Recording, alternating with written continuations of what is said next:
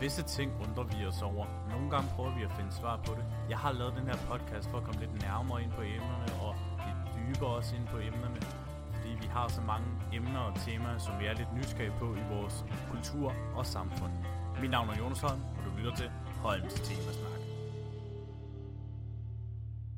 Holms Temasnak er i samarbejde med Sangen Man Husker, skrivningen af festsangen, bryllupssangen, konfirmationssangen, digte, taler fra det øverste hylde. For at få mere informationer, kontakt sangen man husker, snabelag, gmail.com. Velkommen til podcastens Holms Temasnak, podcasten som altid tager nogle emner og temaer op, som vi er lidt nysgerrige på i vores kultur og samfund. Livet som rapper. Jamen, er det noget med en and at gøre, siden det er rap? Nej, nej, nej, nej, nej. Det er musikken rap, vi snakker om. Jamen, hvordan opstod rappen? Hvorfor synes man, det er fedt? Hvor langt kan man nå i rapmusikverden? Og hvad skal der til for det? Og at skabe mulighederne? Disse spørgsmål vil jeg prøve at finde svar på med min gæst i den her episode.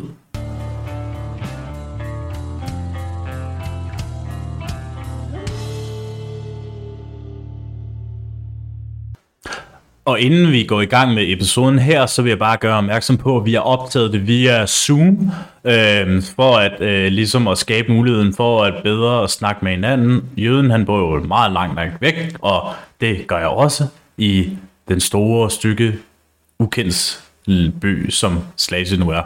Øh, ja, og så prøver jeg ligesom at skabe den bedste lyd til både mig selv, og så til os jer lyttere. Så rigtig, rigtig god fornøjelse med episoden her, sammen med Jøden. Gæst har noget af et CV på sig inden for tv-verdenen. Han har været med i Zulu Kvægræs, hvis der er nogen, der husker denne sjove program. Som ung knægt, du kan godt huske den, det er godt. som uh, ung knægt her var jeg især fan af Ups The Live, som nok mange savner i dag siden hen. Ja, ja. Tupper på eventyr med komiker Carsten Gren, og derudover med forskellige tv-programmer. I musikverdenen har han udgivet tre albums med sig selv, og så udgivet album sammen med Johnny Hefti. Min yndlingssang er helt klart Hammerløs med Peter Sommer. Ja, yeah. er der mere? Jo, han har været på MC Fight Night, som, eller han har været vært for det, kan man sige, men hvor begge rapper får et emne, og så skal de svine hinanden til. Altså, jeg er det ikke... Jeg har er det ikke Ja, ikke? Det er også det, jeg tænkte. Jeg var, del, jeg var deltager 10 år, tror jeg, før jeg var vært. Men fortsæt med at introducere mig. Det, det er dejligt. Jeg, synes, jeg, jeg elsker faktisk, at du egentlig afbryder i gang imellem. Det gør bare podcasten bedre. Øh, men også for lige at nævne, han har selv lavet en podcast, som jeg helt klart kan anbefale. Han er sammen med Heino Hansen og Dan Rakle i podcasten en FCK-fan, en Brøndby-fan og AGF-fan går ind på en bar, som er en fodboldpodcast, som er meget populær en af slagsen. Nå, men nok om det. Jeg vil gerne byde velkommen til en af landets mest kendte rapper, Michael Jøden. Jøden, uh, velkommen til. Så er vi gang. Du sætter sådan noget flammer ind og baggrund ja, og muligt. Totalt rigtig wrestling-style der, ikke? Så, ja, ja, ja. Jamen, øh, jeg, jeg, jeg siger bare, ingen heel-style her. Jeg er the good guy. Ah, du er good guy, det er godt at høre. Jøden, jeg kender jeg tænker, de fleste, som hører den her, kender dig rigtig godt, men vil du ikke bare sådan sige, hvad laver du egentlig sådan lige for tiden i den her skøre verden, vi lever i? Jamen altså, øh, jamen altså, overlever i den. Nu vi jo i øh, post-apokalyptisk, øh, det, er jo, det her det er jo efter corona, så øh, jeg er åbenbart stadigvæk i live, og det i sig selv er åbenbart lidt af en præstation. Men øh, jamen altså, hvad jeg laver, jeg, jeg udsender øh, i, om en måned, der kommer der en ny single ud med mig og Johnny Hefti, øh, der hedder Bare Mave. Øh, det er jo fordi, at jeg øh, fra på lørdag af, nu øh, antager jeg, jeg, jeg tror ikke, det her det bliver sendt ud sådan dagen efter, du, vi optager. Ja, cirka, cirka april bliver det i ja, okay, ja, der kan jeg sige, at uh, turen den starter, uh, den tunge tur, fordi vi har alle sammen taget et par kilo på under coronaen jo. Så uh, den tunge tur, den starter 4. februar i, ind i Vega, uh, Københavns spillested Vega. Og så tager vi, øh, ja altså nu, vi er jo sådan rigtig jyde, man kan godt mærke, at målgruppen det er jyder, de tunge jyske sovsedrenge, så, øh, så det, vi, vi har et øh, show i Vega den 4. februar, og så har vi et show på Fyn, og så ellers så er, så er resten af turen, det er simpelthen jyske spillesteder. Så, øh, så februar og marts, den kommer til at stå i Johnny Hefti og Jørgens tegn. Perfekt. Det skulle nok blive en god reklame. Det er allerede en god start på en reklame, kan man sige, inden for podcast. Ja, udover at det selvfølgelig på det her tidspunkt, når den kommer ud, så er turen jo slut. Men så kan folk jo gå ind for eksempel og høre den nye øh, bare mave-single, eller de kan fandme høre noget gammelt shit, eller se om der er kommet noget nyt, og netop øh, gå ind og høre vores podcast, øh, når Superligaen starter. Vi sender ikke vores podcast ud, øh, en FCK-fan, Brøndby-fan og en IGF-fan går ind på baren, sender vi jo kun ud, når der er Superliga, og det, den starter jo Superligaen den øh, 17. februar. Og jeg spiller tilfældigvis i Aalborg samme dag, som Superligaen starter, hvor AGF de møder AB i Aalborg. Og det er jo helt fucking genialt, tænker man. Udover at kampen den er nok slut kl. 20.50, og vi skal gå på scenen kl. 21, og det ligger en halv time fra stadion, og jeg er så fucking bred over, at det passer. Og så, så lige præcis, lige præcis den der halve time der, fuck! Er der ikke den der kendetegn, at det altid er okay, at stjerner kommer en lille smule for sent? Jamen det, det er det jo ikke, og, øh, især fordi der er jo sådan noget, der hedder hip-hop-tid, hvor at rap det altid starter senere. Problemet er bare, at, at det var nok sådan noget mere, man kunne tillade sig at gøre. Altså netop sådan nogle amerikanske rapper, når de kommer til København, og så opdager de Christiania, og så rører de et halvt kilo, og så øh, falder de i søvn, og så kommer de for sent på scenen. Men, men fordi vi spiller på sådan noget, som det hedder Skråen i Aalborg, det er fandme sådan nogen, der har styr på deres lort, så har de organiseret en koncert efter os, med nogen, der ligesom varmer ned. Hvad hedder det sådan? I stedet for en opvarmning, så er det en nedkølingskoncert. Så for at de kan nå at spille, så skal vi gå på til tiden. Ej! det er fucking... Altså, og tænk på, hvor privilegeret jeg er, at det er nok det hårdeste. Det, det er det hårdeste, der sker i mit liv lige nu. Ja, okay. Interessant. Jamen, øh, nu er vi jo kring det der med, at vi skal jo snakke om øh, rap, og det der med livet at være rapper. Vil du ikke sådan lige fortælle lidt, hvad er rap ifølge dig til vores øh, kære lyttere, som lytter med på den her? Altså, altså rap, ja, det, det, det, der, det der musik, som der bliver spillet i radioen, som din mor og far, de øh, hører, du lytter til, og så siger de, det der, det er ikke rigtig musik. Øh, og det, det kan egentlig også godt være, at det ikke er det, men altså, rap, det er sådan en forholdsvis ung musikgenre, som rap, rap er det, man gør i hiphop-musik. Altså rap, det er ham, der er sang, ham eller hende, eller den, som man vist også skal sige nu, der er sangeren i, i hiphop-musik. Øh, og det er jo sådan en, der ikke synger, men er den, der laver vokaler. Og, og det er jo sådan noget, lidt en form for sådan noget rytmisk snak. Der er sådan nogle, nogle folk, de siger sådan rap, det står for rhythm and poetry, og det tror jeg personligt er noget bullshit. Fordi rap, det tror jeg bare er sådan et, et flashy ghetto-ord for at sige, at man snakker man rapper med nogen, man snakker med nogen. Så det er sådan en form for snakkesang, og så handler det selvfølgelig om, at man skal have det til at ja, netop at rime godt og køre med nogle, nogle sjove ord, skabe nogle sjove ordbilleder, eller skabe nogle, nogle truende ordbilleder. Det kommer an på, hvad for en genre man har, og man skal ligesom det nytter aldrig, at du laver noget rap, der lyder som en anden rapper. Du må måske godt være inspireret, det har vi jo alle sammen været, men, men det er jo ikke ligesom, hvor jeg kan ikke høre forskel på sådan nogle moderne sangerinder, og de lyder fandme alle sammen ens. Og, og, øh, og med rap, der kan jeg høre forskel, i hvert fald på den slags rap, som, som jeg hører til det bliver så lidt sværere, når der kommer autotune på det, men, men det er jo fordi, jeg er jo fra, jeg er jo fra dengang, hvor, hvor rap var ungt. Nu rap jo ved at være en gammel, det er jo en gammel herre, den er jo på alder med mig, ikke? Og, øh, så, så rap, det er en, øh, lige nu en midaldrende musikgenre for folk, som der går og tror, de er unge nu med kondisko og hættetrøje på. Det kan bare ikke lige helt beskrives, hvad rap ifølge dig er. Det er helt perfekt. Men, det, ikke beskrivelse, jeg synes, jeg har beskrevet det her godt. Okay, rap, ja. det er sådan noget ghetto, det er ikke noget ghetto-musik fra, fra USA, og, og den, jeg hører meget sjældent dansk rap, men, men, men det, jeg, jeg hører jo, og jeg hører meget sjældent nyt rap, øh, eller jeg hører mest, jeg hører nyt rap, men jeg hører mest gammel rap, øh, men, men det er sådan noget, noget, noget ghetto-oprørs, rebelsk øh, rap, øh, og, og øh, sådan en genre, og og det, så er der selvfølgelig også noget party i det, hvis du vil have sådan noget 70 år. Ja, du har ret i, det er fandme svært at beskrive, fordi der findes så meget forskellige rap.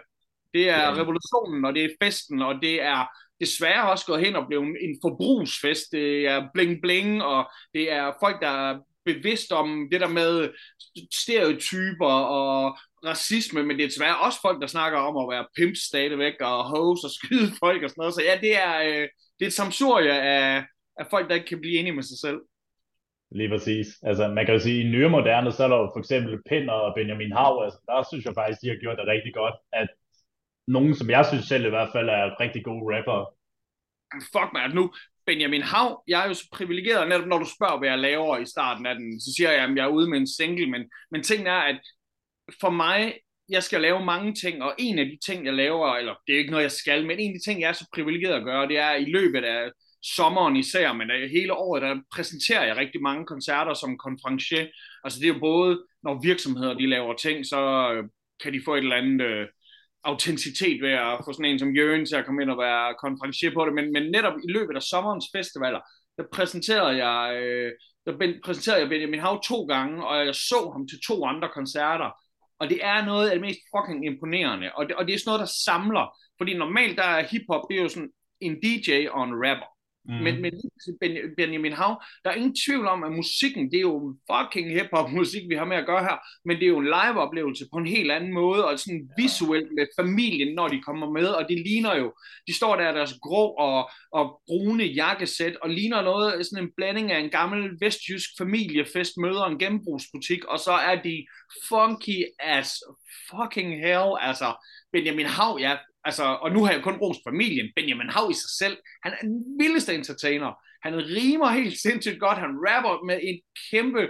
overskud, og, og så er det sådan, det er bare nummerne, men det han gør imellem nummerne, han er den kæft for, han er god til at underholde, og det er forskelligt fra koncert til koncert, hvor jeg sådan helt, hvordan fanden kan du finde på, det er jo et lille stand-up show, han laver, hatten af for ham. Altså, det er lige før, han skulle overtage TV2's titel og være øh, Danmarks bedste livebane, fordi en der er det der med, at jeg lyttede til Christian Fuglendorps øh, podcast sammen med ham. Han sagde, at han har lige været i øving. Og så også det, som de siger, det er, at de gør alt det, de gør på scenen, det gør de også, når de øver i øvelokalen. Og det er jo vanvittigt. Altså det betyder også, at de smører sig med sådan en eller anden, en eller anden djævlecreme, som de, der står backstage ude bagved, Jeg, kan have fortalt om det, men det kan, øh, det kan han jo sikkert fortælle om, når du inviterer ham ind i din podcast. Øh, som de fleste, som inden for rapperverden, skal man jo have sådan et øh, specielt navn. Altså for eksempel, hvis vi tager over i USA først, øh, Eminem, 50 Cent, Snoop Dogg, Ice Cube, Exhibit og G-Eazy. Og så her i Danmark har vi så navne som selvfølgelig dig, MC Ejner, By Day, OGE, Casey, Chili, og så vores gode sønderjyske ven, Aaron Aral. Jamen altså, nu først, altså jeg tror, det er G-Eazy, du mener, men altså, ja. man kan sige, at navnene, de kommer lidt, altså, Eminem, det kommer jo sikkert af, at han hedder Marshall og Mathers, og det er jo to, hans initialer, det er M og M. Så det, der er ligesom en grund til det, og med, med MC Ejner, det er sådan måske det mest oplagte af dem alle sammen, han hedder Ejner, Enemark, ja. og så fordi, at når man er rapper, så er man MC'en, og den der er, ham der scratcher, ham der er DJ'en, han er DJ. Øh, så, så sådan en som Snoop, fordi han måske ligner sådan lidt en, han ligner lidt en mand i fjæset eller sådan noget. Det er også tydeligt. Så, så der er en, en grund til, at alle folk de har de her seje navne, men med mig, der er det sgu lidt anderledes, fordi dengang jeg var bitte i Skanderborg, jeg er født i, i byen Skanderborg, der er lige syd for Aarhus, og der var der, øh, altså på det tidspunkt, der var der sådan tre navne. Man kunne enten hedde Peter, Christian eller Michael, og så var der lige en enkelt, der hed Thomas, og, og det gjorde, at der var hvis du havde en i dit navn, så fik du et øgenavn automatisk. Og der var rigtig mange Michaeler, som, som man fik et øgenavn. Og, øh, og jeg ved, man ved jo ikke selv, hvor ens øgenavn kommer fra, men jeg har sådan lidt en, hvad jeg har hørt af folk, så er det jo nok noget med, at min familie, at jeg er, jeg er firmet i den katolske kirke, og, og så er der både hvor der er sådan nogle grønjakker, som var sådan nogle sådan nogle bøller med sådan nogle knallerbøller, der var helt racistisk med sydstatsflag og sådan noget. Og de øh, var sådan, hvorfor ligner han dansker, men øh, de er åbenbart udlændinge, og så, så må det jo være, fordi vi er jøder, og jeg var, mor, de siger, jeg er jøde. Og hun var sådan, hvad er galt med at være det? Øh, jamen, det vidste jeg heller ikke, hvad der var galt, men så, så bare, hvis de siger, du er det, så var sådan, ja, så, ja, okay, så kan man ikke rigtig blive drillet med det, hvis man var ligeglad med det, og der er andre, der siger det, fordi jeg åbenbart var lidt af en købmand, og det er der også nogen, der har haft en fordom med jøder, og det var med, altså en tusind grunde, men, men i hvert fald der, hvor jeg sådan skulle til at vælge et sejt rap-navn, så kunne det være mega fedt at øh, sådan, kalde sig selv for MC, netop som wrestling-fan, MC Macho Man, eller som Star Wars-fan, MC Obi-Wan Kenobi, eller et eller andet shit, men, men jeg havde ligesom et øgenavn i forvejen. Så, så, så, så jeg tror netop, at, at Snoop, han har sådan, Snoop Doggy Dog, The Dogfather, han har selv valgt at have det navn, eller Eminem har jo selv valgt det, der er ikke nogen, der har kaldt ham det. Men det er fordi, det er et rappernavn, de får, men jeg havde simpelthen bare et øgenavn i forvejen, så, øh, så det blev sgu bare til, det blev bare til Jøen. og, og det har været meget problemfrit i rigtig mange år. Men så lige selvfølgelig, altså jeg ved ikke, om du kan huske men så der var den første intifada, vi kom. Altså på et tidspunkt, der var det jo faktisk næsten, at, at jøderne var dem, som man i verden, sådan, øh, sådan verdenssamfundet havde lidt ondt af. Altså det var sådan, altså efter verdens, 2. verdenskrig, det var sådan ligesom dem, der var de forfulgte, og, og så lige ja. så kom der så den intifadaen der, og så var det lige som om, at jøderne de lidt var nogle skiderikker, dengang, hvor Sharon han skulle gå på Tempelbjerget og sådan noget, og, så begyndte det faktisk næsten at være med sådan noget, at, at det var et, øh, så blev det et problematisk navn her, fordi der var nogen, der sådan synes, at gjorde han grin med jøder, og der var nogen, der havde sådan, som om, var det sådan et sionistisk navn, man havde, og, og jeg bliver stadigvæk, altså den dag i dag bliver jeg stadigvæk en gang om måneden cirka, er der nogen, der kontakter mig og spørger, hvorfor jeg hedder det. Og tit så er det nogen, som der er af den jødiske tro, der er netop sådan, øh, hvorfor hedder du det her? Og jeg prøver at forklare sådan cirka, hvorfor, hvorfor jeg tror, det er. Og de er sådan, oh, okay, ja okay, men, altså så længe det ikke er sådan noget med, at man gør grin med nogen, og, og det er det jo i hvert fald ikke for mit vedkommende, så øh, og, og det er svært, på en måde så tænker man, jamen, skulle man ændre, altså øh, Benjamin Hav, han har også haft et andet rap-navn før faktisk, altså det, ja, det er der også, ja, lige præcis, hvad siger du? Ja, Benal, ikke? Nej, det var hans gruppe, det var jo... Oh, ja, det er rigtigt med Albert. Men før der hed han Benja. Benja? Ja. Okay. Men, øh, men så siger altså folk de kan jo godt ændre navne. Øh, tage sådan en som, altså en af mine yndlingsrapper overhovedet, sådan en som OKE, jeg tror det, det jeg tænker det nogle gange, så tænker jeg også, skal vide, om man ikke vil have haft et, et, et, et andet navn, eller sådan noget, altså, eller tage sådan en som Johnny Hefti, der bare ramte fucking præcis, rigtig første gang, det er bare det sejeste navn at have, jeg ved det sgu ikke, men, men det hænger ved, og øh, ja, det er et øgenavn, jeg har blandt folk, og hvis man er min mor, så kalder man mig stadigvæk Michael, og jeg, jeg responderer sgu, jeg svarer lige meget, om man kalder mig det ene eller det andet.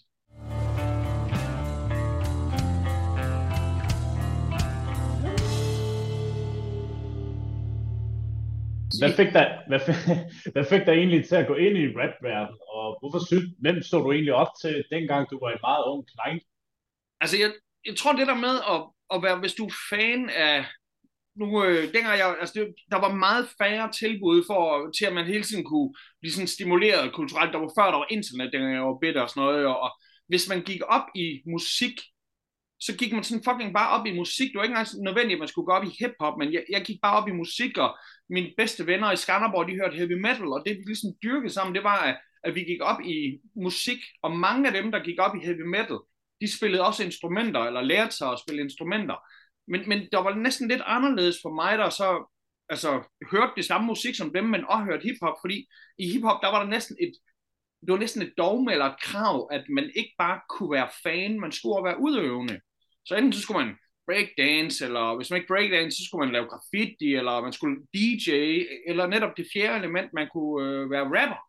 Og, øh, jamen, altså, og det var ikke kun fordi, jeg var dårlig til at danse, og tegnede grimt, og ikke kunne finde ud af at scratch, eller ikke måtte scratch, eller ikke havde råd til at købe en pladespiller, men øh, så det er jo ikke sådan, i mangel af bedre, jeg valgte rappen, men jeg har altid været sådan fascineret af, af sådan nogle, altså sådan noget Shubidua-sange med sådan en kæk twist, hvor de ligesom undersatte noget, eller hvis, sådan nogle, sådan nogle, altså, sådan nogle vise, gamle viser, hvor man gjorde grin med folk, og elektrolyde og sådan noget, så det, sådan, det lå fandme lige til højre ben for mig, så jeg, jeg begyndte bare sådan i takt med, at jeg hørte rap, også at, at skrive sådan nogle små raps, fire linjer, der rimede, og på det tidspunkt, der havde jeg jo ikke drømt om, at der var mulighed for, at jeg nogensinde ville kunne komme til at indspille noget af det her, og udgive det slet ikke. Øh, så det var mere sådan, så når jeg hørte en eller anden rap-ting på min Walkman, jeg gik der med det her bånd, øh, og så spolede det frem og tilbage, eller var så fræk, at jeg optog den samme sang på hver sin side af båndet, så jeg ligesom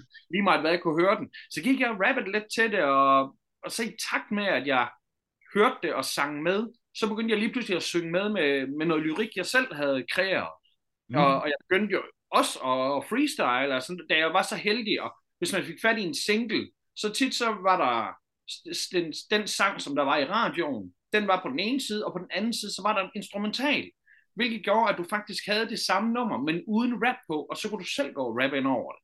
Og, og så, så freestyle man ind over det, og, og så gik der ikke lang tid, så hvis man tog sådan nogle rap-koncerter, og der var sådan nogle nogle, sådan nogle erfarne rapper, altså nogen, der sikkert har rappet i halvandet år, sådan noget Kølikaj, eller Carsten K. Noise fra Kolding, eller sådan noget, Kent K. og sådan noget, så rappede de på, til James inde i, øh, inde i Aarhus, og så tog jeg ind, og så når det var færdigt, så stod DJ'sen og spillede instrumentaler, og man begyndte at, at rappe ind over det. Så jeg tror sådan, der, det har ikke rigtig været noget tidspunkt, hvor der var tvivl om, øh, om jeg ville begynde at rappe. Det var sådan, da jeg begyndte at høre rap, så begyndte jeg at, at lave rap, og i takt med, at man blev bedre og bedre, blev det også mere og mere seriøst og mere intenst, mens man altid er legesygt for mig. Så hvordan jeg, jeg begyndte at lave rap, fordi jeg begyndte at høre rap. Fantastisk svar på det. Og så er det jo egentlig godt, at man egentlig har også for eksempel sådan her spørgsmål. Hvad kræver det egentlig for at være en god rapper ifølge dig selv? Oh, ja, hvad der kræver...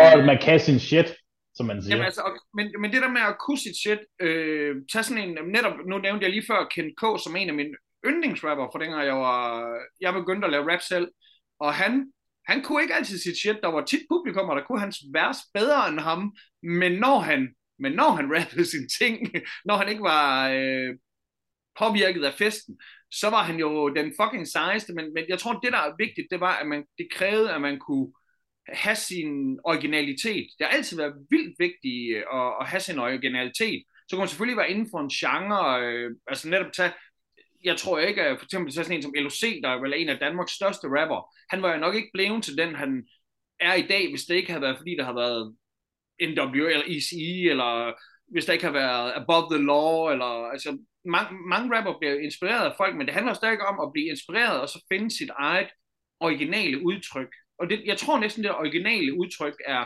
er det vigtigste. Og så at kunne finde ud af at Jamen lidt, altså det der med, at man flower, der er sådan en eller anden form for, i sang, der følger man måske lidt mere melodien i, i sangen, og her der er det lidt mere, man ligesom kan egentlig lave en form for kontramelodi ind over beatet. Man følger trommerne, men man følger måske ikke sådan slavisk, men mere, at man sådan er bevidst om, hvor trommerne er, og prøver at finde en eller anden steady rytme, som man kan lave ind over der. Så det der med at have en forståelse for, for beatet.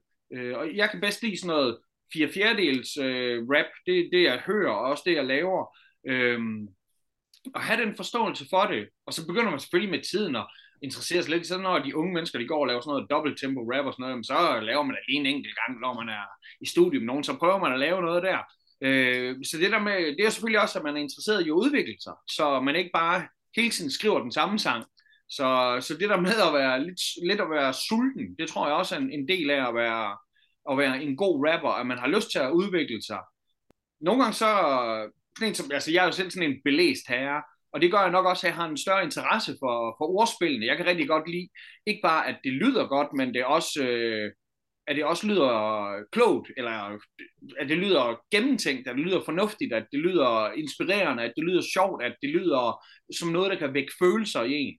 Det er, øh, jeg tror, at det at være rapper, det er også at fokusere meget på ordene.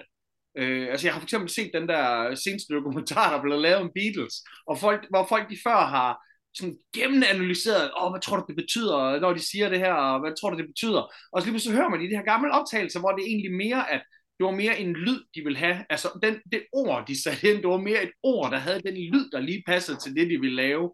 Sådan tror jeg ikke, det er øh, for mig, når man er en, en god rapper. Der er det faktisk ordenes betydning, som man, man respekterer ret meget er det øh, den der bilstone er det den der, der har været på Disney+. Plus? Er det den, du tænker, eller? Lige præcis, lige præcis. Det var ja. også nogle af de bedste fem timer i mit liv at se efter den dokumentar der. Det, det, var, helt... det var fuldstændig vildt. Også, også bare det der med meget, de havde sådan virkelig fokus på, at det skal bare lyde godt. Og der kunne man også se, se den der næste generation, hvordan uh, det så skulle foregå i forhold til musikkens verden også. Jamen helt, helt vildt der. Og, og kæft, hvor er altså unge mennesker i dag er bare så heldige, at de kan have adgang til sådan noget. Tænk på, hvis den var blevet sendt i fjernsyn, dengang jeg var bitte. Så hvis man ikke lige præcis havde en VHS-maskine, hvis man skulle først måtte have en VHS-maskine og, og et bånd i og være klar til at optage, når det blev sendt. Ellers, så vil der gå fem år, inden den blive genudsendt en gang til. Ja, præcis. Det er præcis. Men øh, hvornår kom egentlig rappen egentlig til Danmark, hvis man sådan skulle sige det med danske briller på? Altså det kommer selvfølgelig an på, hvem du spørger, altså, fordi for, for mit vedkommende, så kom det jo nok, hvor jeg tror sådan, altså sådan midt i 80'erne, hvor de viste sådan noget wild style, som, altså mere en hiphop-film, det er egentlig mere sådan en graffiti-film, eller hvor Beat Street, som jeg så faktisk så på tysk, jeg så den faktisk på tysk tv, hvor den var synkroniseret, så sådan en af de allerførste ghetto amerikanske hiphop film, den, den så jeg faktisk, hvor den var synkroniseret til tysk, okay, med, med det, det, tosset. Men, øh, men, jeg, men jeg tror, der er sådan en bred enighed om, at det er sgu nok omkring der, hvor øh, DP fra, øh, altså en fra Rockers by Choice, når du sagde MC Ejner uh, før, ja. ved siden af MC Ejner, så er der ligesom den rivaliserende gruppe, som der så er Rockers by Choice, øh, og ham DP, som der er Chief One, som man jo kender fra utallige tv-produktioner og både pop-hits og hip-hop ting. Øh, hans storebror, han var, i, han var i Amerika, og da han kom hjem fra, fra at have været på sådan noget, altså high school hedder det vel, når man tager 10. klasse i, i USA, så havde han jo alle mulige kasset, kassettebånd med hjem med, det, med den her nye genre her, og kom vi jo fucking hjem og, og lignede den vildeste b-boy med fresh breakdancer briller og sådan noget der, og han havde i hvert fald sådan en masse bånd med, så det har 100% været, altså jeg tror, for de der ammer folk, har det været, da DP han kom hjem med tingene. For mit vedkommende, der var det altså sådan noget Kim Schumacher, der spillede freshe ting i, i radioen. Øh, det var, eller i, når, en gang imellem i Eldorado, øh, som var sådan et program, som Jørgen Demilius han havde, hvor der blev spillet sådan nogle elektrosange, som der jo helt sikkert var inspirerende for, for den hiphop, der kom. Det var sådan noget tysker. Min far, han havde, øh, mens min mor og min far, de boede sammen, der havde sådan nogle plader med nogen, der havde kraftværk, som var sådan noget tysk elektromusik. Øh. Altså jeg tror, det er sådan alt sammen noget, der er kommet i, i midten af 80'erne. Og, og sammen, sammen har alle de her ting været det, der er påvirket af, af unge Michael Jøen, mens han sad i sit øh, drengeværelse i, i Skanderborg, han, øh, han opdagede den her ting. Og så kan det godt være, at man siger, at at hvis, hvis, hvis DP han ikke havde været på skole, eller hvis Kim Schumacher han ikke havde spillet det i, i radioen og sådan noget, så var det ikke kommet, men det havde det jo. Det er jo bare, øh, historien er bare sådan, at det tilfældigvis var dem her, der var de pionerer, der tog tingene med hjem. Så øh, midt 80'erne. Ja, men i, også sådan i mit optik, så synes jeg også, at de sådan fleste rapper egentlig får en gyldne mulighed for, at man kommer mere frem i Danmark. Det ved jeg ikke, om du også selv synes. Altså man kan jo sige, på dit øh, vedkommende, så var du jo egentlig også en del i tv'et, øh, dengang jeg lidt var yngre. Jamen altså, det er jo sådan lidt svært, fordi der er jo selvfølgelig mange sådan nogle, øh, enten, enten bitre rapper, der har været i gang i lang tid, der er sådan meget kritisk over, at Nå, alt det kommer fandme op bare så let til Jøen, han, han får alle mulige chancer, og de får aldrig chancen. Og så er der jo også unge rapper, sådan opkommers, der sådan skriver og spørger, hvordan skal man gøre, og og vejen til succes er jo aldrig ens for, for to mennesker, fordi det er jo forskellige, det er jo forskellige styrker, vi har, og nogle de skal jo spille på deres personlighed, og andre skal spille netop på, på musikken og gøre sig selv mystisk og sådan noget. Øh, men, men jo, øh, jeg synes da, at i forhold til dengang jeg var yngre, så øh, der, dengang var, der blev der ikke spillet rap i, i radioen, for eksempel. Og det gjorde, at for 10 år siden blev der spillet enormt meget rap i radioen, men i dag til gengæld, der er der ingen, der lytter til radio. Der lytter man jo til, til streaming, og man ligesom, hvor i, i gamle dage, der hørte alle fandme P3, øh, og nu er det jo egentlig, men det, jeg tror i dag, øh, for de unge i dag, jeg ved ikke næsten, om det er sværere, fordi at folk, de, hvordan skal de finde dig? Jeg, jeg ved ikke, hvordan de unge, de gør i dag. Øhm, men jeg ved, at jeg for mit eget vedkommende har været enormt privilegeret, og nogen vil sige heldige, og nogen de vil sige har haft så mange talenter, at jeg kunne spille på, at, at, at det, det var lidt af det hele, der kom. Altså jeg har jo netop, øh, før jeg udsendte, før jeg udsendte en single, var jeg jo så heldig at, at lave tv. Øh, der blev lavet programmer om mig, og, og lige efter jeg lavede min første plade, øh, den Monkey Juice, hvor netop du snakker om Hammerløs, du godt kunne lide som nummer... Øh, først og fremmest tage hammer løs, at P3 de gad at spille den så sindssygt mange gange. Det gjorde jo, at, at det ikke bare var alle de her hiphopper, der ligesom gik her i Jøen, hvad sker der med pladen, og gik og ventede på den, men, men fandme her for Danmark, de lige pludselig også lyttede til den, og altså den endte jo med at fandme, nu er det sikkert også fordi Thomas Helmi, han har været så lang tid på, på hitlisten, men den endte fandme med at, at være den, der ved Thomas Helmi ud af top 10, altså hold nu kæft, oh. ikke også? Og, og det, det ved jeg ikke, om, jeg ved ikke, om det er, fordi jeg er heldig, eller det er, fordi jeg øh, også har formået at omgive mig øh, med, med så dygtige mennesker. Altså det er jo DJ Static, som der er 50% af min musiksucces, er jo DJ, DJ Static, fordi han producerer 90% af det, jeg laver. Øh, og, eller Peter Sommer, som jo er min, min, min gamle barndomsven, som synger omkvædet på øh, Hammerløs. Øh, kan det være indgangsvinklen til, at folk de synes, at det er spændende, at, at han samler et eller andet øh, nutidigt. Altså Snoop Dogg, som vi snakker om før, de samler, samler jo alt muligt gammel 70'er, øh, funk og disco, og, og så i stedet for, så, så vælger vi at sample en Peter Sommersang, der ikke er ret mange år gammel, og det er jo selvfølgelig også en ny måde at, at, at angribe tingene på, eller efter jeg så har udgivet min plade, og jeg så i stedet for at gå i gang med at lave den næste plade, så siger jeg ja til at lave, for eksempel det her før omtalte Zulu Queries, du snakker om, øh, og da jeg laver Zulu Queries, øh, man kan sige, inden jeg laver det, så MC's Fight Night, som du siger, jeg var værd i, øh, altså jeg var deltager i MC's Fight Night i 10 år, og, og havde lige vundet den indledende runde i Aarhus. Altså det vil sige, at jeg havde vundet over nogle af, af de allerstørste favoritter, øh, og, og den aften, der, der øh, altså virkelig fred, men der, det er skrækkeligt der, men, men den aften, der dør ham, der er vært for MC's Fight Night. Og, og jeg vælger så at trække mig fra konkurrencen, og, og så en måned senere, så står jeg live vært i fjernsyn, i en live tv-transmittering. Øh, altså det er sådan lidt, jamen jeg, altså jeg ved ikke, det er jo ikke heldigt på nogen måde, fordi jeg mistede jo en god ven. Øh, man kan sige sådan ren og skære, øh, øh, branchemæssigt, at, at der så var nogle tv-producer, der ligesom fik øjnene op for, at ham der, han kan jo et eller andet, øh, hvilket jeg så nok gjorde, at jeg fik øh, jobbet som vært i UPST Live. Og det er jo lige pludselig, så sidder jeg i to år og er tv-vært, og laver sange ved siden af, og tager ud med Johnny Hefti og spiller, og, og så, hvor vi er færdige med det, så tager vi ud og laver Tobo på eventyr, mig og Carsten Gren, som jo, altså til den dag i dag, jo stadigvæk er en af mine allerbedste venner. Men jeg mødes jo stadig med Johnny Hefti og med Static, og og laver gammel dreng. Så imens jeg tog ud og laver tober på eventyr, der sidder de og skruer på knapperne til, til gammel dreng. Og, så det er jo det der med, først og fremmest handler det om, at du, må, du skal altid nyde din succes, du skal altid nyde de muligheder, du får, og du skal være taknemmelig for de muligheder. Men du skal ikke blive doven, bare fordi du får mulighederne. Du skal, du skal blive ved, du skal blive sulten. Du skal vide, at når du nyder noget, og hvis du har lyst til at spise videre, altså de siger det her, you can't have your cake and eat it too. Og det er jo rigtigt nok, men du kan lave en lækker kage, og så imens du spiser den lækre kage, så kan du have en ny god kage i år.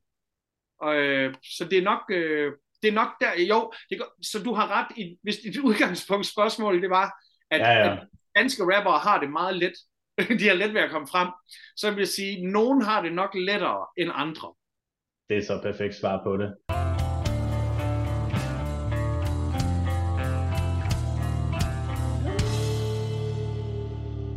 Hvis man sådan tænker, som de fleste rapper får muligheden for at komme til forskellige spillesteder og festivaler, det åbner jo også øh, på tv-verdenen, som du har været en del af. Kan det egentlig sådan påvirke, at man har sådan meget at se til en gang imellem, eller at man bare sådan noget, man bliver sådan egentlig vant til det? Altså man kan sige, hvis man er dårlig til at sige, først og så skal man jo være så heldig, at man skal have mange tilbud, for at man kan få for meget. Og når du så begynder at få mange tilbud, altså man kan sige, succes afler jo succes, og popularitet afler jo mere popularitet. Så jo, jo mere populær du er, jo flere kommer jo og hiver i dig. Øh, så på den måde, så kan man sige, at på et tidspunkt, så skal du nok øh, kunne finde ud af at sige nej. Fordi ellers så, så får du fucking stress. Øh, hvis ikke at du får stress af at lave for meget, så får du stress af at have dårlig samvittighed over, at du siger ja til folk, og så brænder dem af. Altså, når folk de snakker om, at, at, at det altid er sådan nogle fyre, der går og ghoster deres, øh, deres, deres dates og sådan noget. det er fucking, der, der er også folk, der går og ghoster folk i, i, i, i branchen, altså hvor de siger ja til alt muligt, og så får ikke forventet tilbage.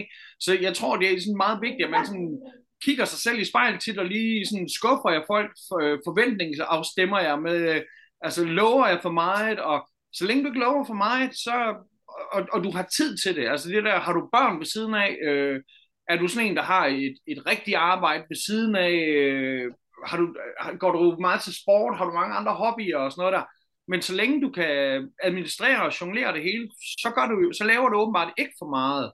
Øhm, og det er det der med, at det, altså man bliver også, det er jo ligesom at, at netop at dyrke motion og sådan noget, jo mere du laver, jo bedre bliver du også til at, at håndtere og lave meget. Øh, der er nogen, der bliver udmattet af at skrive en enkelt sang, og så er de helt, ud hold kæft, man, de skal på øh, et eller andet øh, resort i en uge, efter de har skrevet en sang, og så er der andre, der kan finde ud af at gå i, i studiet tit, og kan sidde og være kreativ, og kan være kreativ, mens de er i transport, og så så der er virkelig forskel på, hvordan folk de gør det.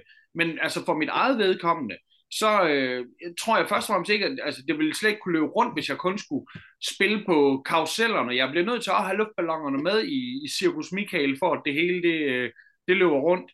Øh, og, og netop for mit eget vedkommende, der synes jeg, det har været en gave, at, at den ene at en succes i en form for underholdning har ført til nogle muligheder i en anden form for underholdning.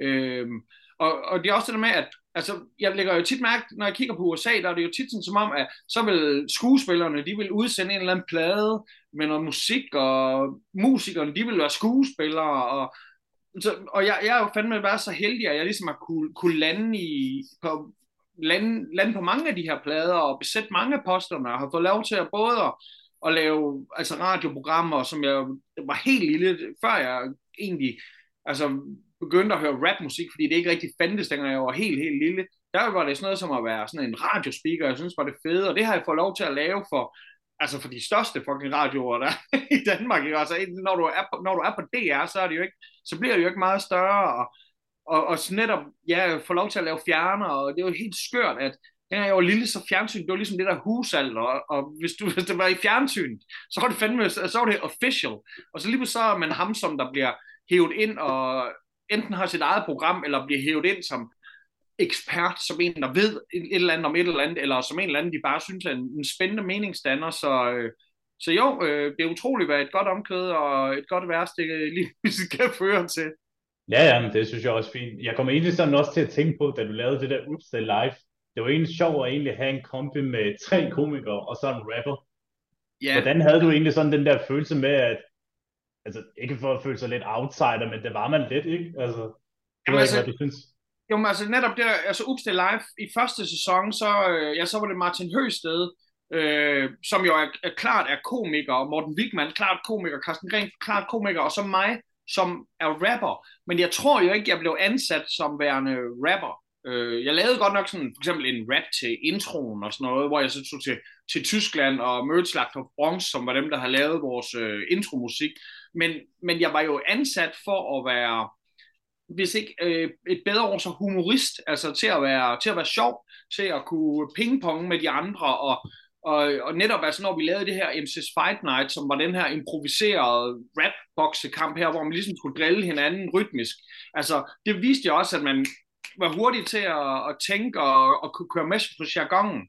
Og altså tag nu for eksempel, når der er øh, Samsø Festival, der øh, sidste Samsø Festival, altså altid når der er Samsø, så Torben Chris, han sætter et hold sammen med seks dygtige, altså top, top shelf danske komikere, altså netop altså, sidste år var det, det var Wilson, det var Molsen, det var Gren, det var Victor Lander, det var Torben Chris selv, øh, fuck mig for at lige have glemt, hvem den sidste var. Det var dog rigtig meget undskyld øh, den sidste, hvis jeg lige... Øh... Stadigvæk øh, store navne i øh, gode navn, Marcel men, og også andre.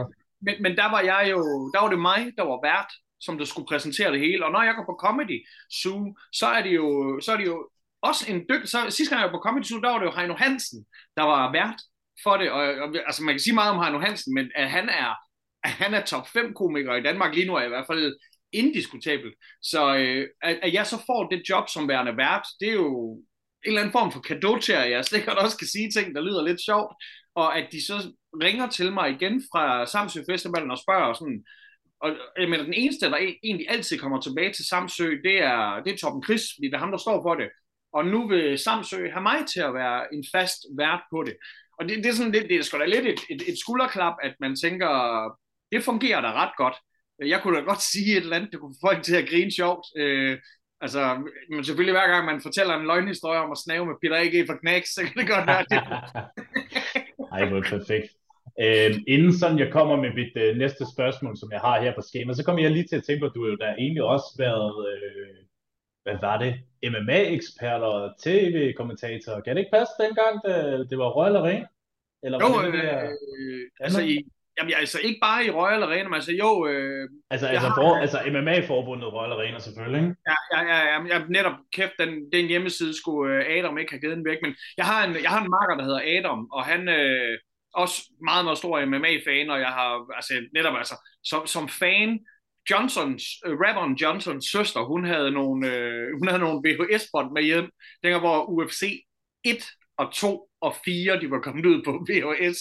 Wow. Øh, way, way, way, way back. Og dem lånte jeg også sådan helt, what the fuck. Og dengang var det jo ikke rigtig sådan, det var ikke rigtig MMA, det var mere alle mulige forskellige kampsports grene, der dystede mod hinanden, så det kunne være sumo-bryderen imod kickboxeren og sådan noget, men, men altså allerede der, der var sådan helt, det her, er, det her det er the real, det er ikke bare øh, to, som der laver sådan noget pointkamp i taekwondo og sådan noget shit, altså det her, det var det, var det ægte, og, og det var sådan, der kunne jeg allerede mærke, jeg er et kæmpe fodboldfan, fodbold det er min yndlingssport, men jeg kunne bare mærke, at MMA var ligesom mere end bare en sport, det var ligesom, det var det rigtige. Det var, sådan, det var det rigtige. Alt andet sport, det var sådan et eller andet, hvor de ligesom prøver at repræsentere et eller andet, men det er et eller andet leg. Det her, det var ikke en fucking leg. Øh, så jeg har altid været sådan en meget, meget stor fan af det. Og dengang, hvor øh, Adam, jeg, og netop som jeg siger, altså jeg, jeg tager til stævner i, i Danmark, men jeg har også været, jeg har været i USA flere gange og se MMA, mm. og jeg har været, altså rejst rundt i, jeg har taget til netop altså Sverige, Tyskland, øh, jeg har været, altså hele Europa har jeg været for, for at se MMA i England flere gange, og så, så jeg har altid været sådan en fan af det. Og der var Adam, han så lavede Royal Arena, så spurgte han bare, om jeg ikke kunne tænke mig at jamen egentlig at være, det var lidt underligt, han, jeg troede, jeg skulle lave det, der hed color commentator, øh, og, og så i stedet for, så, så, så vil han have altså det, som Mike Goldberg, eller det, som John Anik er i dag for, øh, for, for UFC. Ja, og, der, jeg så kommer, og da jeg så kommer der ud, så kunne jeg lige se, at, at jeg egentlig skulle sidde og lege eksperten, som egentlig, altså det job, som Joe Rogan har, og nu er der ingen, der, der er ingen, der er lige så gode som Joe Rogan. Men, det kan vi godt være enige om. men, men, men, men, men jeg vil sige, der, der vil nok være, jeg kunne selv pege på 20 mennesker, som jeg synes vil være både gode til at formidle det i tv, altså kunne tale til, til sine medkommentatorer og have styr på, hvad der skete, og være charmerende og sådan noget. Men, men det var skide sjovt at lave, øh, og, og det er jo det der med, at jeg tror, det er fordi, jeg har lavet så meget andet tv, og så, så tænkte jeg, at det, det skal han da lige lave, og, og, jeg, og jeg gjorde det fandme gerne, og jeg har jo også, altså netop øh, senere, efter der var Royal Arena, så blev der lavet sådan noget, øh, altså sådan noget dansk, øh, sådan noget dansk MMA night og sådan noget, også i KB og sådan noget, og, og der har jeg også været inde over, så jeg skulle sidde og lave pressemøder med Marco Madsen, hvor han skulle, øh, hvor han, hvor han skulle dyste, inden han skulle over til USA og sådan noget, så ja. altså, jeg, jeg, først og fremmest, jeg er fan af MMA, øh, og jeg tror altid, når man er fan, så vil man gerne hjælpe, man vil gerne hjælpe til, øh, man vil gerne være en del af det, og, og, og det er umuligt at gøre, altså, eller jeg ved ikke, om det er umuligt, for jeg er også så heldig, når AGF, når de spiller deres første hjemmekampe, når en sæson starter, så de sidste fem år, så er jeg blevet inviteret af AGF til at komme og stå for, øh, for opvarmningen, inden der er Aarhus March. Så, okay. tager jeg, så tager jeg ham den lange, og jeg tager Marki Snøre fra Bogfinkervej, og Kaiser A, og, altså, så, og så, så tager jeg dem med, og så laver vi, spiller vi nogle AGF-sange, vi selv har skrevet som hyldest til vores hold, og så laver vi freestyle, så beder vi publikum om at, at give os nogle emner, og, og så, så freestyler vi om det og sådan noget, så jeg skulle lige til at sige, at det er umuligt som fan at få lov til at, at komme ind i maskinrummet og være en del af det, men, men på en eller anden mærkelig måde, så lykkedes det alligevel altid for mig, og, og, og jøde mig indenfor. Så, øh, så ja, det, det er fordi, jeg er, jeg er fan, og jeg er engageret, og det tror jeg, det, det smitter af. Det synes jeg er sgu meget fedt, at man har så meget dedikation og de der forskellige sporter. Jeg har faktisk en god minde med dig. Det er faktisk helt tilbage i 2019. Jeg tror, det er marts, hvor Cage Warriors var i Danmark. Jeg, jeg ved ikke, om det var dig. Det lignede dig, men det var lignende en, der hurtigt var blevet smidt ud. Og jeg tænkte bare, hvad sker der? Nå, ja, ah, hurtigt. Det, det, det, det er ikke noget, du behøver at bekræfte, om det var det, rigtigt eller ej. Især fordi jeg først og fremmest ikke blev smidt ud. Øh, men nu skal jeg lige se Cage War. Jo, jo, jo. Det er det der med Dalby og Mark O og ja, ja, ja, ja, jeg kan godt huske det. Jamen, det der, det var, øh, og det var 100% om mig, der var en fucking jerk. Men øh, min, min gode ven, øh, Jace Bliff for mig, vi havde sættet og varmet op til det hjemme hos ham, og, og netop, altså man bliver aldrig klogere at drikke tequila. Øh, og man skal alligevel ikke drikke tequila, inden man tager til det med mest stævne, fordi tequila, det er jo fucking ligesom snaps. Man bliver bare en idiot af det. Men, øh, men jeg havde væltet en eller anden dudes, øh, hvad fuck han nu drak, vodka Red Bull eller et eller andet pis, og, og de der gutter der, de var også sådan helt op at køre, og der var og mange så, fulde mennesker den dag, kan jeg godt helt var der jo, og, og det er sådan lidt, hvor så de var flere, og jeg, jeg gad fandme ikke at sætte mig ned, bare fordi de var flere, fordi jeg tænkte, altså, hvad er det værste, der kan ske? Selvfølgelig det værste, der kan ske, det vil være sådan helt, at man bare bliver slået til plukfisk, men jeg tænker, ej, det, det kommer ikke til at ske. Men i hvert fald så kom der en vagt hen, og var sådan lidt, hey, du skal være et andet sted. Så øh, nu ved jeg ikke, hvorfra du så det, men... Øh, og øh, hvis du har... Øh, åh, nu skal det være kæmpe store øh, tribuner, der er øh, lige sådan, du ved, højre og venstre, og så er der sådan en lille små nogen. Øh, jeg var oppe på et rigtig godt vinkel. Øh, jeg tror, det var omkring øh, sæde syv, eller sådan noget, sådan cirka, så jeg skulle se hele arenaen, ja. jeg kunne se hele Ja, og jeg sad jo, altså jeg synes jo selv egentlig, jeg havde lidt lortepladser, fordi de, mange andre gange, hvis jeg endelig tager til sådan en stævne der, så kører jeg den bedste billet, fordi altså hvis jeg alligevel er fløjt til USA for at se et stævne, så så skal jeg jo, så giver jeg jo gerne et par ekstra 100 dollars for at sidde sådan helt fucking op foran der. Og her, vi sad, vi sad nemlig på anden eller tredje række, og jeg var sådan lidt, øh, jeg vil sidde på første række. men, men altså, jeg, så, så jeg, jeg sad jo pisse godt, men det, det var bare, så ja, det, det var imellem mellem to kampe, så hvis man lige skulle ud og hente noget. Øh, man kan sige sådan, det, det, det gode er, at jeg fik set alle kampene, øh, og, øh, og ham der, som der ligesom var den, altså først var de der gutter der, der var nogle kæmpe, de var nogle kæmpe brød alle sammen. Og hvor jeg så var nede og træne en gang, så var der sådan en dude, så var han sådan, undskyld mig, jeg har mødt dig før. Og jeg sådan, det, det, ved jeg faktisk heller ikke helt. Og så kommer hans ven hen og siger, oh, det er ham der, det er ham der, for det der stævne der. Så, åh gud, så kunne jeg lige pludselig kende dem. Og så, der, altså, så måtte man jo bare grine af, hvor fucking dumt ja, det var. Altså, man kan sige, heldigvis, så, så, så skete der jo ikke noget. Øh, og jeg siger ikke, at det er heldigvis for dem, at jeg ville kunne have gjort noget som helst, fordi at nu siger jeg heller ikke, at de ville have været flere mod en, fordi at enten så kunne en have været nok, eller der, der ville nok ikke være sket noget, men, men i hvert fald så kan man sige, at øh, det, var, det, var ikke, det var ikke øh, den aften, jeg ville blive meldt ind i Mensa, fordi det var fandme, det var ikke klogt, det der. det er sjovt, at du spørger. Det, det, det, der, jamen, det er bare noget, jeg hele tiden har tænkt på. Jeg sagde bare, nu skal jeg sige det til jøden i dag. Jeg bliver simpelthen nødt til at få svar på det, fordi jeg har gået rundt i fire år og tænkt over det. Så. Nå, ja, men øh, ja, det var simpelthen bare, at øh, vi var blevet uenige om, hvem, øh, hvem der var skyld i, at der var væltet en, en vodka Red Bull eller et eller andet pis.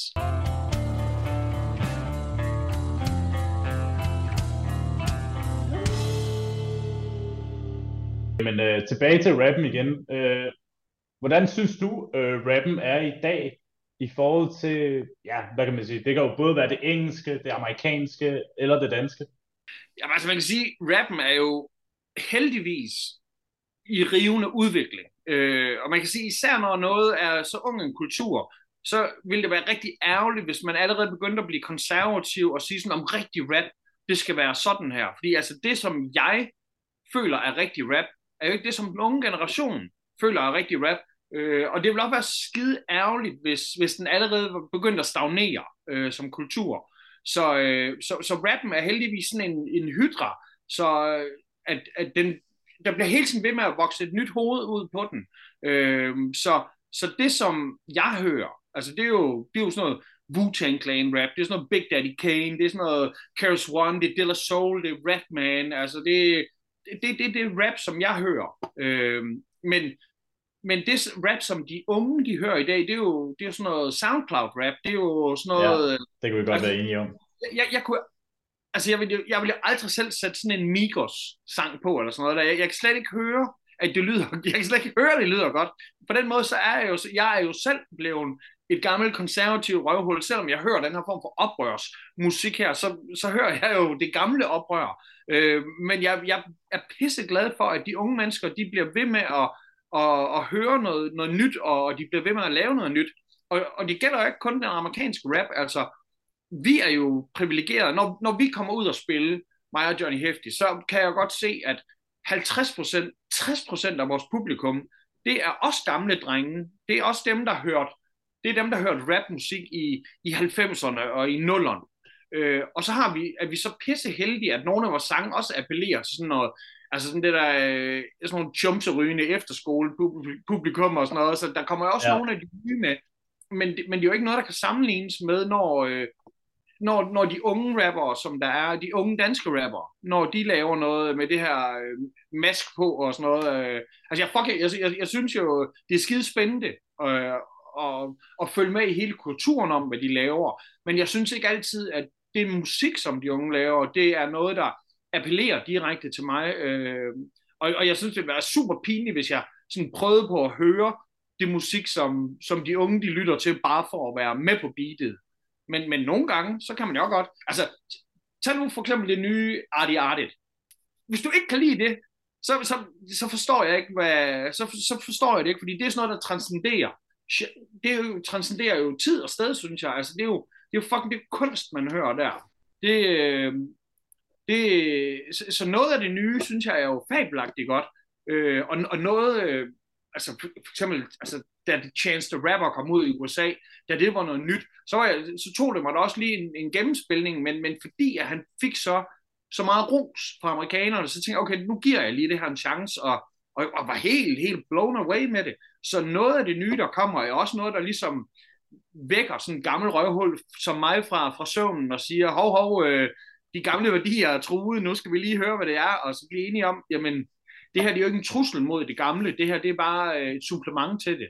Så, så rap, øh, det er heldigvis en kultur, eller hiphop er heldigvis en kultur, der udvikler sig rigtig meget, og, og rap musikken er noget, som der, der udvikler sig helt vildt meget, og det, det tror jeg, vi alle sammen skal være pisse, pisse glade for.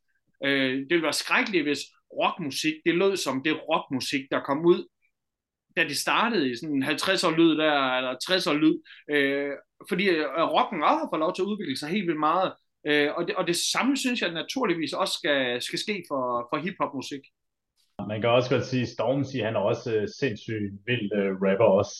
Jeg hører mega, for eksempel det, altså, ja. der, altså da jeg var bitte, så var der ikke ret meget fedt, der var ikke ret meget fedt britisk rap. Det lød altid sådan lidt, britisk. jeg, vil, jeg vil vildt gerne have, at det skulle lyde øh, som sådan nogle seje amerikanere. På det tidspunkt, så var det næsten kun New York rap, der var det rigtige. Ja. Og så der kom der LA rap, og så kom der, altså for mit vedkommende, så kom der LA rap, og så kom der sådan noget South rap, Dirty South, og nogle gange så hører jeg næsten mere South musik, end jeg hører, end jeg hører øh, New Yorker rap. Men, men, men, men på samme måde, så netop så er der kommet den her britiske bølge her, og det fede er jo, at man kan mærke, at mange amerikanere nu begynder at blive inspireret af mm. englænder. Mm. Ja, det er enig. Det er jo mega, mega fedt, når, at, når eleven lige pludselig bliver lærerens lærer, at, at, at det får lov til at komme tilbage, at der er noget feedback.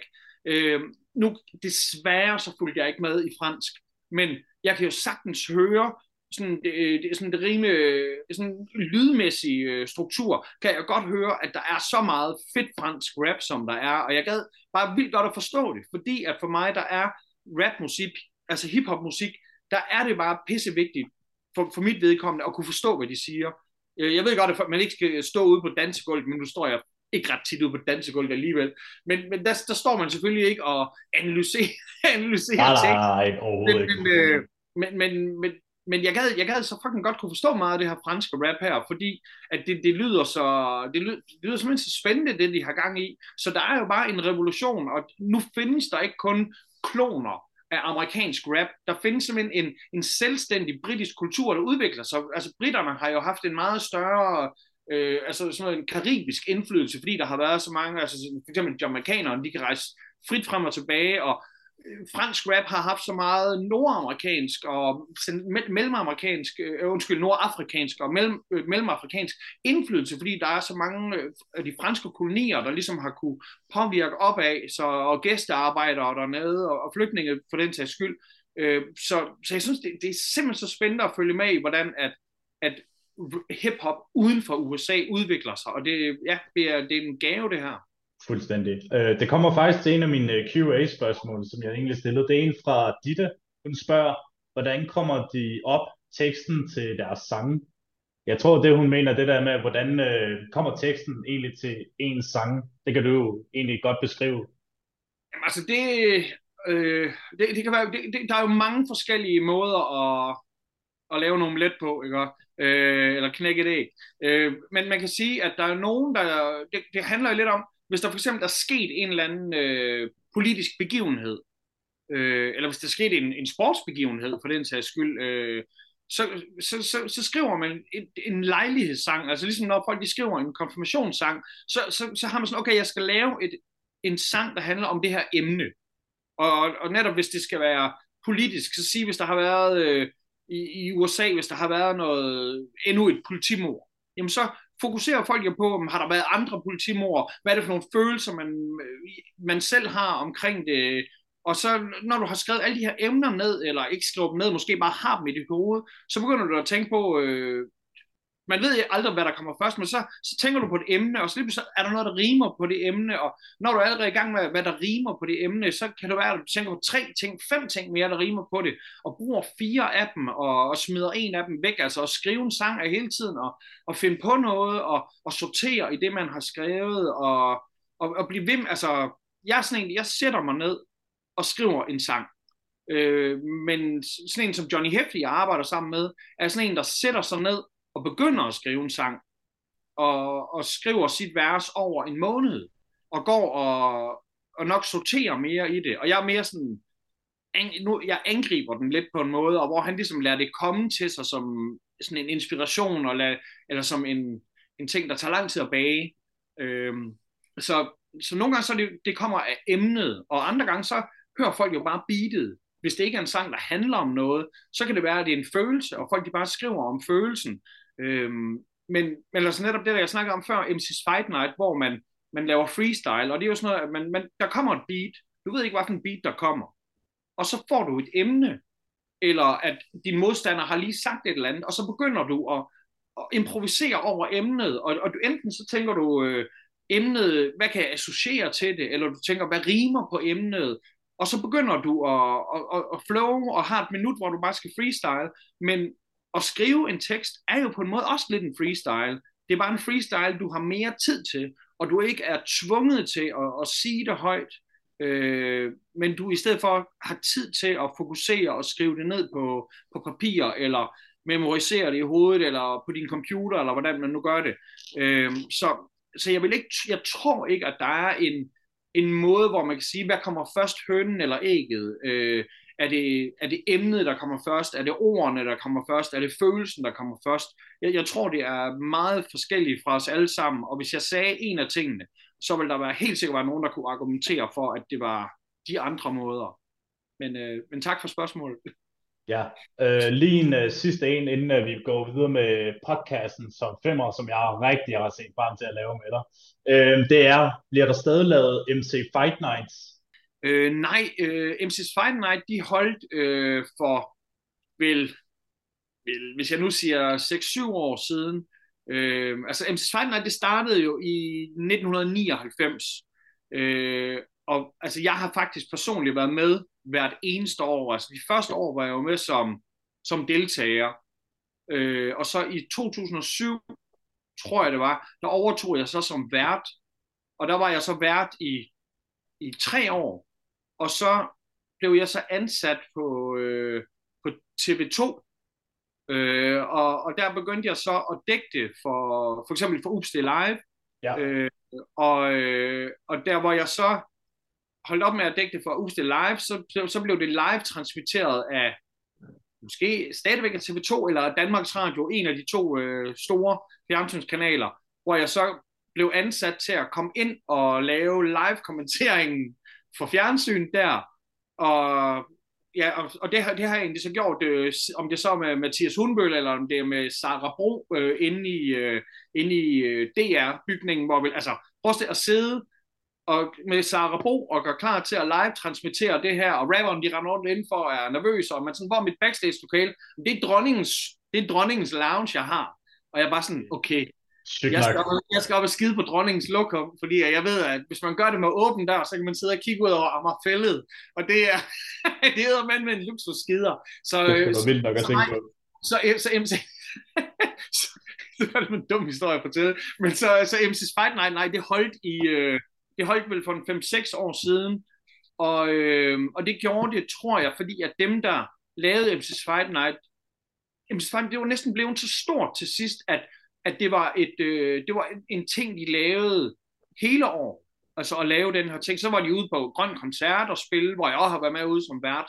Øh, men til sidst så tror jeg, at, at, at det blev sådan et monster, der gjorde, at de ikke havde tid til at lave de andre ting, øh, og lave management for, altså dem, der lavede det, det var jo også Nians managers, og det, ja. management for Clement, Clemens og sådan noget. Øhm, og så sagde de, jamen nu vil de holde op med at gøre det. Og folk jo sådan, fuck, hvad, hvad gør vi så? Og det er sådan, jamen hvad gjorde man inden der var MC's Fight Night? Der, der, der, der freestylede vi også til, til James, og, og det er også derfor, at MC's Fight Night, det blev så godt, så hurtigt, fordi at folk kunne finde ud af freestyle. Og der var der nogen, der sagde, jamen plør, øh, man kan ikke lave MC's Fight Night uden de kræfter, som der stiftede det, som der skabte det. Men man kan lave noget andet. Og der er en, der hedder Hakim øh, Hakke, som har været deltager i mange gange i MC's Fight Night. Øh, aldrig vundet, men altid været rigtig god og fucking vigtig. Han startede noget, der hedder DM i freestyle rap. Ja. Han har så været DM i freestyle rap, Øh, inde i, altså i Pumpehuset bliver der afholdt nu. Det har været i, øh, i den grå hal ude på øh, Christiania. Det har været i Amager Bio, hvor der jo også, øh, hvor det første MC's Fight Night var. Så på allerede der, der var cirklen ligesom allerede lukket.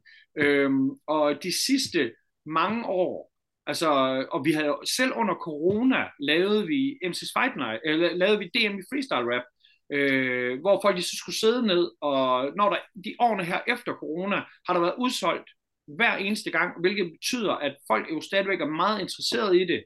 Øh, man kan også streame det live. Det bliver, det, det bliver streamet live, men det er aldrig fedt at se freestyle. På, det, det er bedre at se det på en computer, end at ikke at se det. Men det er Nej, altid fedt at se det live, og være sådan en del af det øjeblik, det her skabende moment, hvor der er en, der får et emne, og, og, og så siger et eller andet, hvor man bare sådan, hvordan fanden fandt han på det her? Det er sådan helt magisk at være en del af det der. Og når jeg siger vi, så er det fordi, at da Hakke, som der laver det med freestyle, da han ville gå i gang med at lave det, så spurgte han mig, om, øh, om jeg ikke kunne tænke mig ligesom, og for at få hele det der Into Fight Night til at køre videre, den ånd, der var, om jeg ikke ville være konferencier. Og øh, jeg sagde, jo Hakke, min ven, det vil jeg gerne. Så jeg har været konferencier hver eneste gang, der har været DM i freestyle rap. Jeg synes, det er altid så fedt at høre, at du har så mange fede historier af det hilse fra en, der hedder Nikolaj Madsen, en, der spiller i uh, Justify Rebellion. Jeg ved ikke, om du kender det bane? Jo, jo, jeg har faktisk købt en uh, Justify Rebellion kasket. Han, han nævnte det faktisk. så, han sagde så... bare, han sagde bare, rapperen Jøden, ah, han har købt en kasket. Um, jeg var ude og se noget, noget dødsmetal i, uh, noget polsk dødsmetal i, i Albert ej, i, jo, måske var det i Albertslund, Øh, hvis det ikke var i Albertslund, så var det i Slagelse, det var i Slagelse. I fucking ja. Slagelse.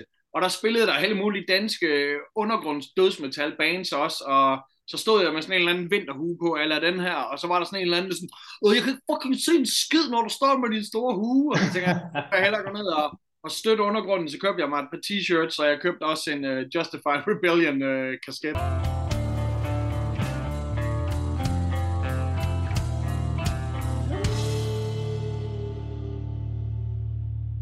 Jøden, nu synes yes. jeg, at vi skal i gang med podcasten top 5'er, som jeg som også har sagt før. Det har jeg glædet mig til, at, at vi skal lave. Og jeg synes, at vi skal lave det sådan her, at vi skal lave en top 5'er over de største rapper, der er her i Danmark, ifølge os. Okay. Så jeg har det sådan, at vi begynder med gæsten, så begynder vi på mig, og så dig. Du får, klart, som gæsten skal du da have de tre muligheder, og så har jeg de to muligheder. Skal vi se det? Eller vi kan sige, at nu først, ja, på der, fordi at, en top 5, det er jo altid sådan noget, det kan være, at jeg synes noget andet i morgen, selvom jeg selvfølgelig godt har sådan en, en god idé med, hvem jeg synes er de, de største og de vigtigste og sådan noget, men, men jo, lad os se, om vi er enige på nogle punkter.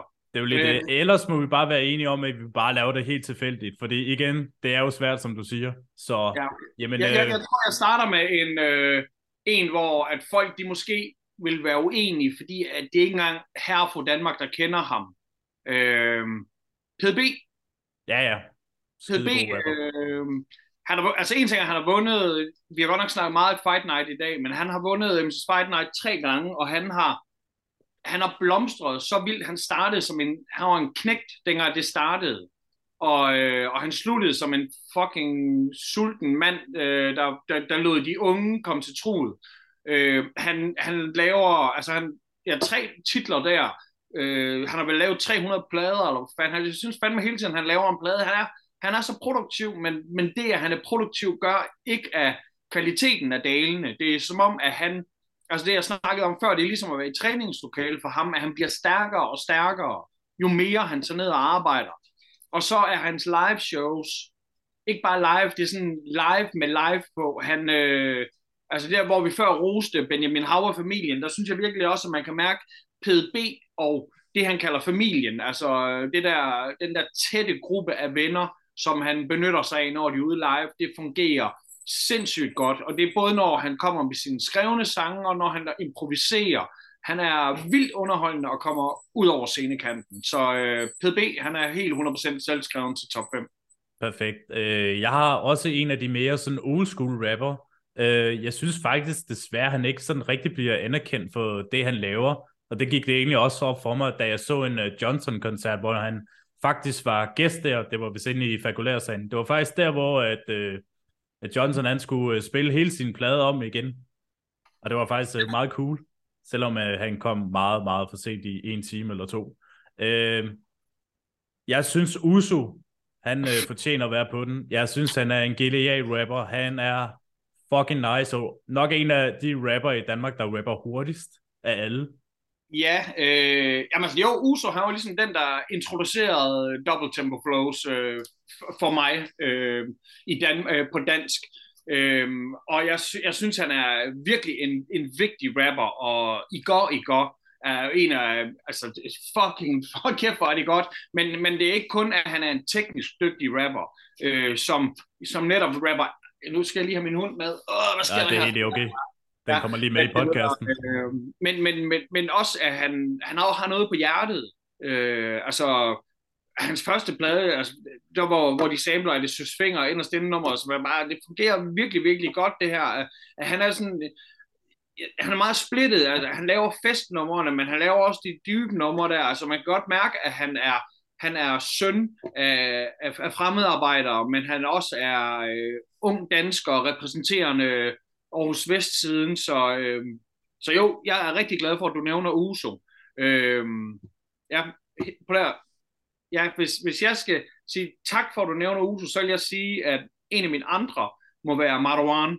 Uh, ja, ja, ja, han er virkelig, virkelig kongen en altså, rapper. Fuldstændig. Marwan er nok den mest, hvor man kan sige, at dansk rap nok altid har haft en eller anden form for, altså fordi vi går så meget op i, i ordspillene, og, og, og nogle gange så er det næsten helt karikeret, så vil jeg sige, at Marwan, han er 100% autentisk. Det er, han er sådan en, han er virkelig en ghetto-ambassadør i, i dansk rap. Øhm, og så udover at, at han er autentisk, så, så er det også virkelig, synes jeg, vellydende.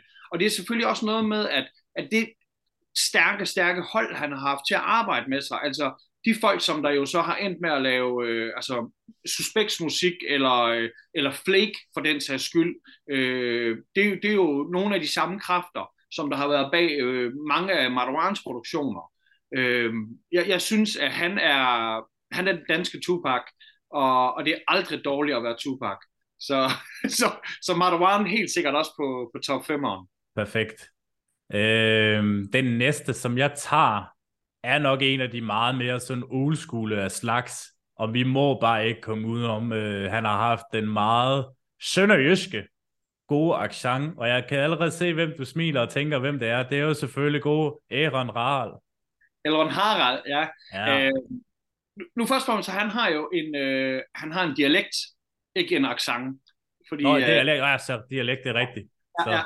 Øhm, og der skal jeg være fræk, fordi jeg synes, han er mega vigtig. Da han lavede Porno Gangster, det er en kæmpestor skive, øh, produceret af konventer fra, fra kongehuset, øh, og hvor de benytter sig af de samme samples, som mange øh, amerikanske rapnumre øh, har lavet. Den er lidt for karikeret for mig, øh, og jeg synes, det er helt vildt vigtigt. Altså netop jeg selv, som jo som jysk rapper, øh, og hvor jeg bruger meget af de jyske vokaler, så værdsætter jeg alt det tekniske, som der ligger i at, at rap på den måde, som Elron Harald gør, at det, det bliver sådan lidt øh, den måde, man taler på i, i Sønderjylland, øh, og ikke som man taler i fjernsynet. Øh, og jeg synes, at Elron Harald er en af de vigtigste danske rappere. Men jeg vil ikke sætte ham i top 5. Okay, wow, chokerende. Men vil du egentlig, inden jeg lige får svar på det, vil du høre egentlig noget sjovt, hvordan jeg hørte øh, Elron Harald dengang? Ja, det vil jeg gerne. Det er fordi, jeg gik på efterskole, og jeg var venner med fem sønderjyske venner. Ja. Så siger det sig selv, at ikke kan undgå at høre det rap. Altså... Jamen, øh, vil du høre, hvordan jeg hørte det? Ja, gerne. Jeg var oppe og besøge Henning, og Henning, det er ham, der hedder Kong Winter, som ja. der er rapperen i kongehuset. Men ved siden af at være rapperen i kongehuset, så, øh, så havde han også et, et studie derhjemme. Og, øh, og, og han, øh, ham og, og Lars, eller Elron Harald, de, øh, de gik og fikset med de her demoer, fordi at inden at der blev lavet pladen, der hed Pornogangster, der blev der lavet et kassettebånd. Det, det var før, at, altså det var før man lavede der demoer, de var simpelthen på kassettebånd, og der lavede de en, øh, et kassettebånd, der hed, i stedet for Greatest Hits, så hed den Greatest Hits. og, øh, og så spillede Henning det her for mig, og jeg var sådan, det her det lyder som noget, jeg aldrig før har hørt. Og jeg, jeg er ret sikker på, at det er fucking genialt. Men jeg er ikke sikker på, at der er andre end, end mig og Henning og tre andre nørder, der vil synes, ja. det er sjovt. Og så går der så går der et halvt år, og så er det her demobånd, det er bare overalt, og, og folk de er bare sådan, kom nu med pladen, kom nu med pladen, ja, vi vil have pladen rigtig ud. Og så kom Porno-gangster-pladen. Øh, altså, jeg, jeg, jeg er jo selv med på øh, opfølgeren til Porno-gangster, mm. øh, så og jeg værdsætter rigtig meget øh, Elron Harald, og, og netop når vi snakker om hiphopper, han er fucking en hiphopper. Altså i dag så laver han jo meget lidt rap, men han laver enormt meget øh, graffiti-kunst. Ja. Øh, og, og, og før der var rap i hiphop, der var der graffiti. Så, øh, så skud ud til Aaron Harald. Det er perfekt. Nå, Jøden. Ja, jeg vil, oh, fuck Rosin i uh, pølseenden, og du får jo selvfølgelig lov til at afsløre, hvem den sidste skal være i vores uh, top, top 5 run. Jamen, altså, selvfølgelig, det ville være let at sige ham fra Suspekt, men så skulle jeg vælge, om det skulle være By D eller OGE, fordi de begge to fucking er så vilde, og, og, og, og rapper skal altid selv synes, det er de vigtigste, og jeg tror egentlig på en måde, jeg egentlig godt ville kunne forsvare at sætte mig selv i min egen top 3 i hvert fald, men det synes jeg også ville være fucked up at gøre, og, og jeg burde jo nævne, øh, jeg burde nævne, øh, jamen, altså, Logedef altså, hvor, jeg skal ikke kun være sådan noget jydefokuseret shit der. Loke Def er en af de, de fucking sejeste, der findes. Eller, eller Artie Artit, altså som mm. jeg lige nævnte før. Det skal heller ikke kun være sådan nogle gamle drenge. Ikke at Loke Def er gammel, men, men der er mange, eller, eller alle fra Magdi Coin, eller Nyx, hun er, hun er, hun er, hun er så fucking sej. Øh, netop en, en pige, der kan improvisere og, og kan det hele, og, og det er nederen, jeg skal nævne, hun er en pige, fordi at hun er meget mere end bare en pige-rapper, men det er rigtig fedt, at hun vinkler sine ting personligt, og ikke får det til at lyde som en af gutterne, men, ja. men hun lyder som en af pigerne. Kal Allan, øh, som der er netop lavet ponyblod med Two Track fra, fra Malte Coyne. Jeg tror, øh, den sidste, vi skal have på, er, er øh, Marki Snøre. Okay. Ved du, hvad Marcus Nørre er? Jeg har hørt om navnet, men jeg troede først, du ville nævne en anden, men det kan jeg komme bagefter med. Men, uh, ja, men, jeg skal, men det er bare fordi, hvis jeg ikke putter mig selv på, så kan jeg heller ikke putte Johnny Hefti på. Det, og jeg kan heller ikke putte Nieren på, selvom at, at Nieren og Johnny Hefti, det er, det er dem, som jeg ligesom er... Det, det, det, det er mine fucking gutter, som, øh, ja. som jeg lavede så meget med. Det var dem, jeg lavede børneradio. Jeg har slet ikke nævnt, at jeg har arbejdet og lavet børneradio. Altså, nu Har du også det? Ej, Jamen, jeg lavede børneradio med, med Nieren og Johnny Hefti. Vi lavede det, der hedder Rockstars. Nå øh, ja, det, ja, ja, det nævnte øh, min bedste ven Steffen rigtig godt om, at det havde I lavet. Men, men fordi jeg netop har snakket så meget om, om folk, der laver rap, og rap-tekster og hooks og sådan noget, så Maggie Snøre, han er sådan en, som der kan skrive virkelig, virkelig, altså der er ingen tvivl om, at han er sjov, han er, han er fucking sjov, men, men han kan finde ud af at flow, hvor det er på grænsen til, at det næsten, at det næsten lyder lidt poppet. Mm. Fordi at man bare sådan, det lyder fucking godt. Det er sådan noget, man kan forstå, der bliver populært. Og han har netop, han har hooksene, og han har flowet, og, og han har sin rimstruktur. Men så det, der er fedt ved ham, det er, at når han, når han laver bogfinkeveje, altså i Jejle-nummeret, som der er jo en kæmpe banger, de har været rundt og spillet det sammen med TV2, eller når de laver Smilsby-sangen, ja. øh, hvor Steffen Brandt også øh, får lov til at komme ind med et vers, og LOC går ind og gæster med vers, og, og på den anden side af skyerne, hvor hvad fanden der er med på, og sådan noget. altså de ting der, de laver, man forstår bare godt, at, at pigerne har lyst til at, og, og gutterne, hvis pigerne de kommer til en rapkoncert, så kommer gutterne jo med, så Bogfinkevej, det er et fucking stærkt brand, og, og han står så godt, Marcus Smør, sammen mm. med, sammen, sammen med, med, med Mads og med Lav fra, fra Bowfingervej. Men han har lige lavet et nyt projekt, øh, øh, Træmand, Snøre, Ål. Og det er noget af det mest moderne danske rap, jeg har hørt længe. Prøv at det her skal du gøre dig selv en tjeneste. Mm. Gå ind og google Træmand, Snøre, Ål. Og ja, hør. det vil jeg da gøre med det samme. Så. Ja, det, det, det er som at høre, øh, sådan, det, det sejeste nye amerikaner rap, jeg hører lige nu, det er dem, der er Griselda Records. Og det her, det er ikke, at det er bejtet fra dem. Det er ikke stjålet fra dem. Men, men der er en lyd i det, hvor jeg kan høre, at det er sådan en, hvor de har, de, de er inspireret af det gamle rap, men de har lige puttet det i tørretumbleren og givet det en, en ordentlig omgang i rørmaskinen. Ja. Og, og det lyder bare så fucking godt. Så hvis du går ud og hører Træmmen Snøre Ål-pladen, så er det for mig Maggie Snøre, som der er, der er drivkraften i, i det her projekt der. Så øh, og han må aldrig høre det her. Han må aldrig høre, at jeg sætter ham på en top 5. det skal vi ikke lige røbe ud for. Han vil slet ikke kunne leve med det. Men øh, der er, der er, og tænk på, hvor mange jeg har undladt lige nu. Hvor nederen det er. Øh, problemet ved at lave en top 5, det er, at man gør 5 glade, men man skuffer 50. Uh, den nok, jeg vil have haft som nummer 1, det er LOC. Jamen, altså igen. Øh, ja, præcis. Det, det, og, og netop, nu er det nok også fordi, at jeg har lidt det, der hedder recency bias. Altså, ja, ja, det er også okay at have sådan nogle. Det, det er let at sige, at en eller anden MMA-fighter er den bedste i verden. Øh, og ikke nævne John Jones, fordi det er så lang tid siden John Jones har fightet. Men så snart John Jones han kæmper igen og, og vinder over Sjolgan, så, så, ved, så ved du, du siger, at han er den bedste igen. Og hvis LOC han kommer ud og dropper en eller anden øh, ja, ja, præcis. banger igen, så, så vil du jo nævne ham. Og, og tænk på, at jeg ikke har nævnt Johnson. Altså, øh, var det latterligt. Altså. Men, men, men hvis man skal have den gode måde, så laver vi lige en god honorable mention med alle dem, vi har, vi har nævnt.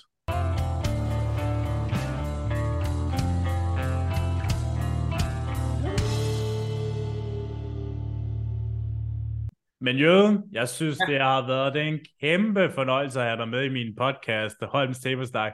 Hold kæft, jeg synes, det har været mega fedt, du bare har haft lyst til at være med. Det... Jamen hey, prøv homie, jeg satte øh, jeg sat computeren på bord, så det blev en rigtig tablesnak. Og så... Ja, præcis.